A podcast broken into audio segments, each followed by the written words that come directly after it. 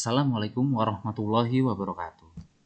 Uh, ya, materi pada hari ini kita akan belajar tentang tata urutan peraturan perundang-undangan dalam sistem hukum nasional di Indonesia. Oke, mari kita mulai pembelajarannya.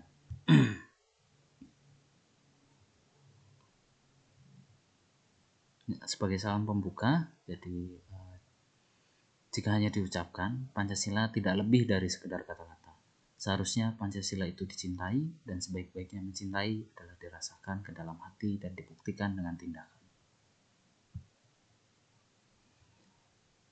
Ya, pada pagi hari ini kita akan belajar tentang makna tata urutan peraturan perundang-undangan.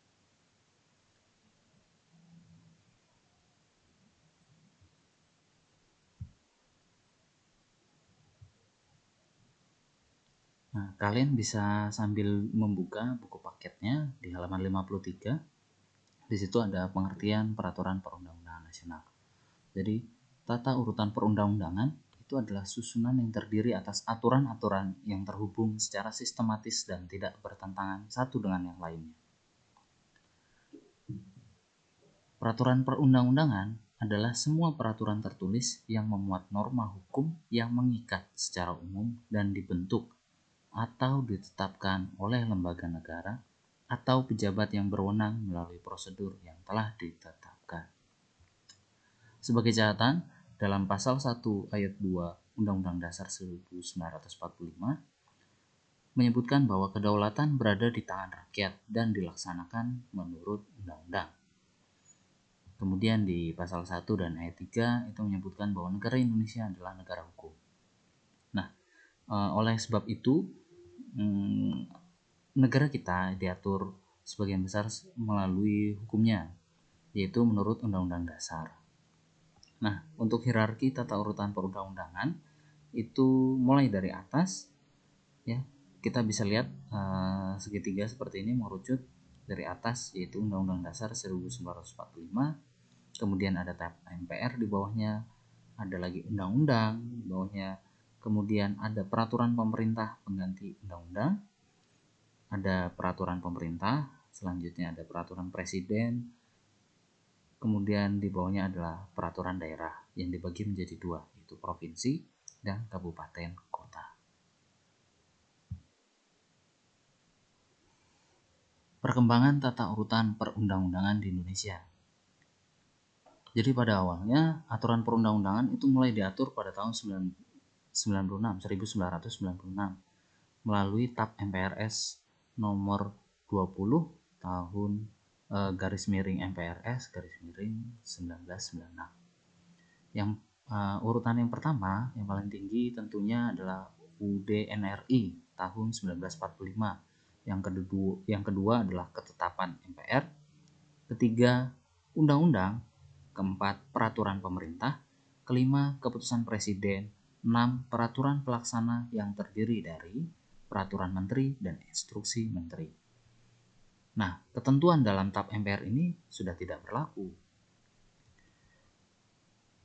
karena digantikan melalui TAP MPR nomor 3 garis miring MPR garis miring 2000. Jadi TAP MPR nomor 20 tahun 96 itu digantikan oleh ketetapan MPR nomor 3 tahun 2000 di TAP MPR nomor 3 tahun 2000 ini, urutan yang pertama paling tinggi itu masih tetap UDNRI tahun 1945, yang kedua adalah ketetapan MPR, ketiga undang-undang, keempat adalah peraturan pemerintah pengganti undang-undang. Ya.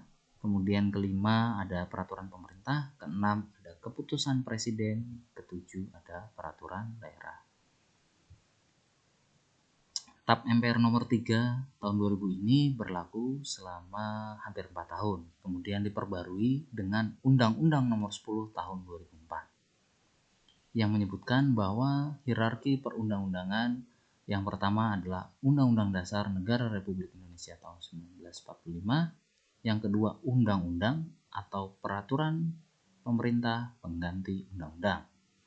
Yang ketiga, Peraturan Pemerintah, keempat, Peraturan Presiden yang kelima adalah peraturan daerah. Undang-Undang Nomor 10 Tahun 2004 kemudian diperbarui lagi dengan Undang-Undang Nomor 12 Tahun 2011 yang masih berlaku sampai saat ini. Hierarki perundang-undangan akhirnya menjadi tujuh. Yang pertama ada UUD NRI tahun 1945, yang kedua ketetapan MPR, ketiga undang-undang atau peraturan peng, peraturan pemerintah pengganti undang-undang, 4. Peraturan pemerintah 5. Peraturan presiden 6. Peraturan daerah provinsi 7. Peraturan daerah kabupaten kota Aturan perundang-undangan atau hukum itu akan terus berkembang mengikuti perkembangan zaman dan kebutuhan manusia. Itulah sebabnya uh, hierarki perundang-undangan itu berkembang mulai dari tahun 96 hingga akhirnya disempurnakan di tahun 2000 disempurnakan kembali melalui Undang-Undang Nomor 10 Tahun 2004 dan disempurnakan kembali dengan Undang-Undang Nomor 12 Tahun 2011. Oke, cukup sekian uh, pertemuan pada hari ini. Kita lanjutkan dalam video-video berikutnya.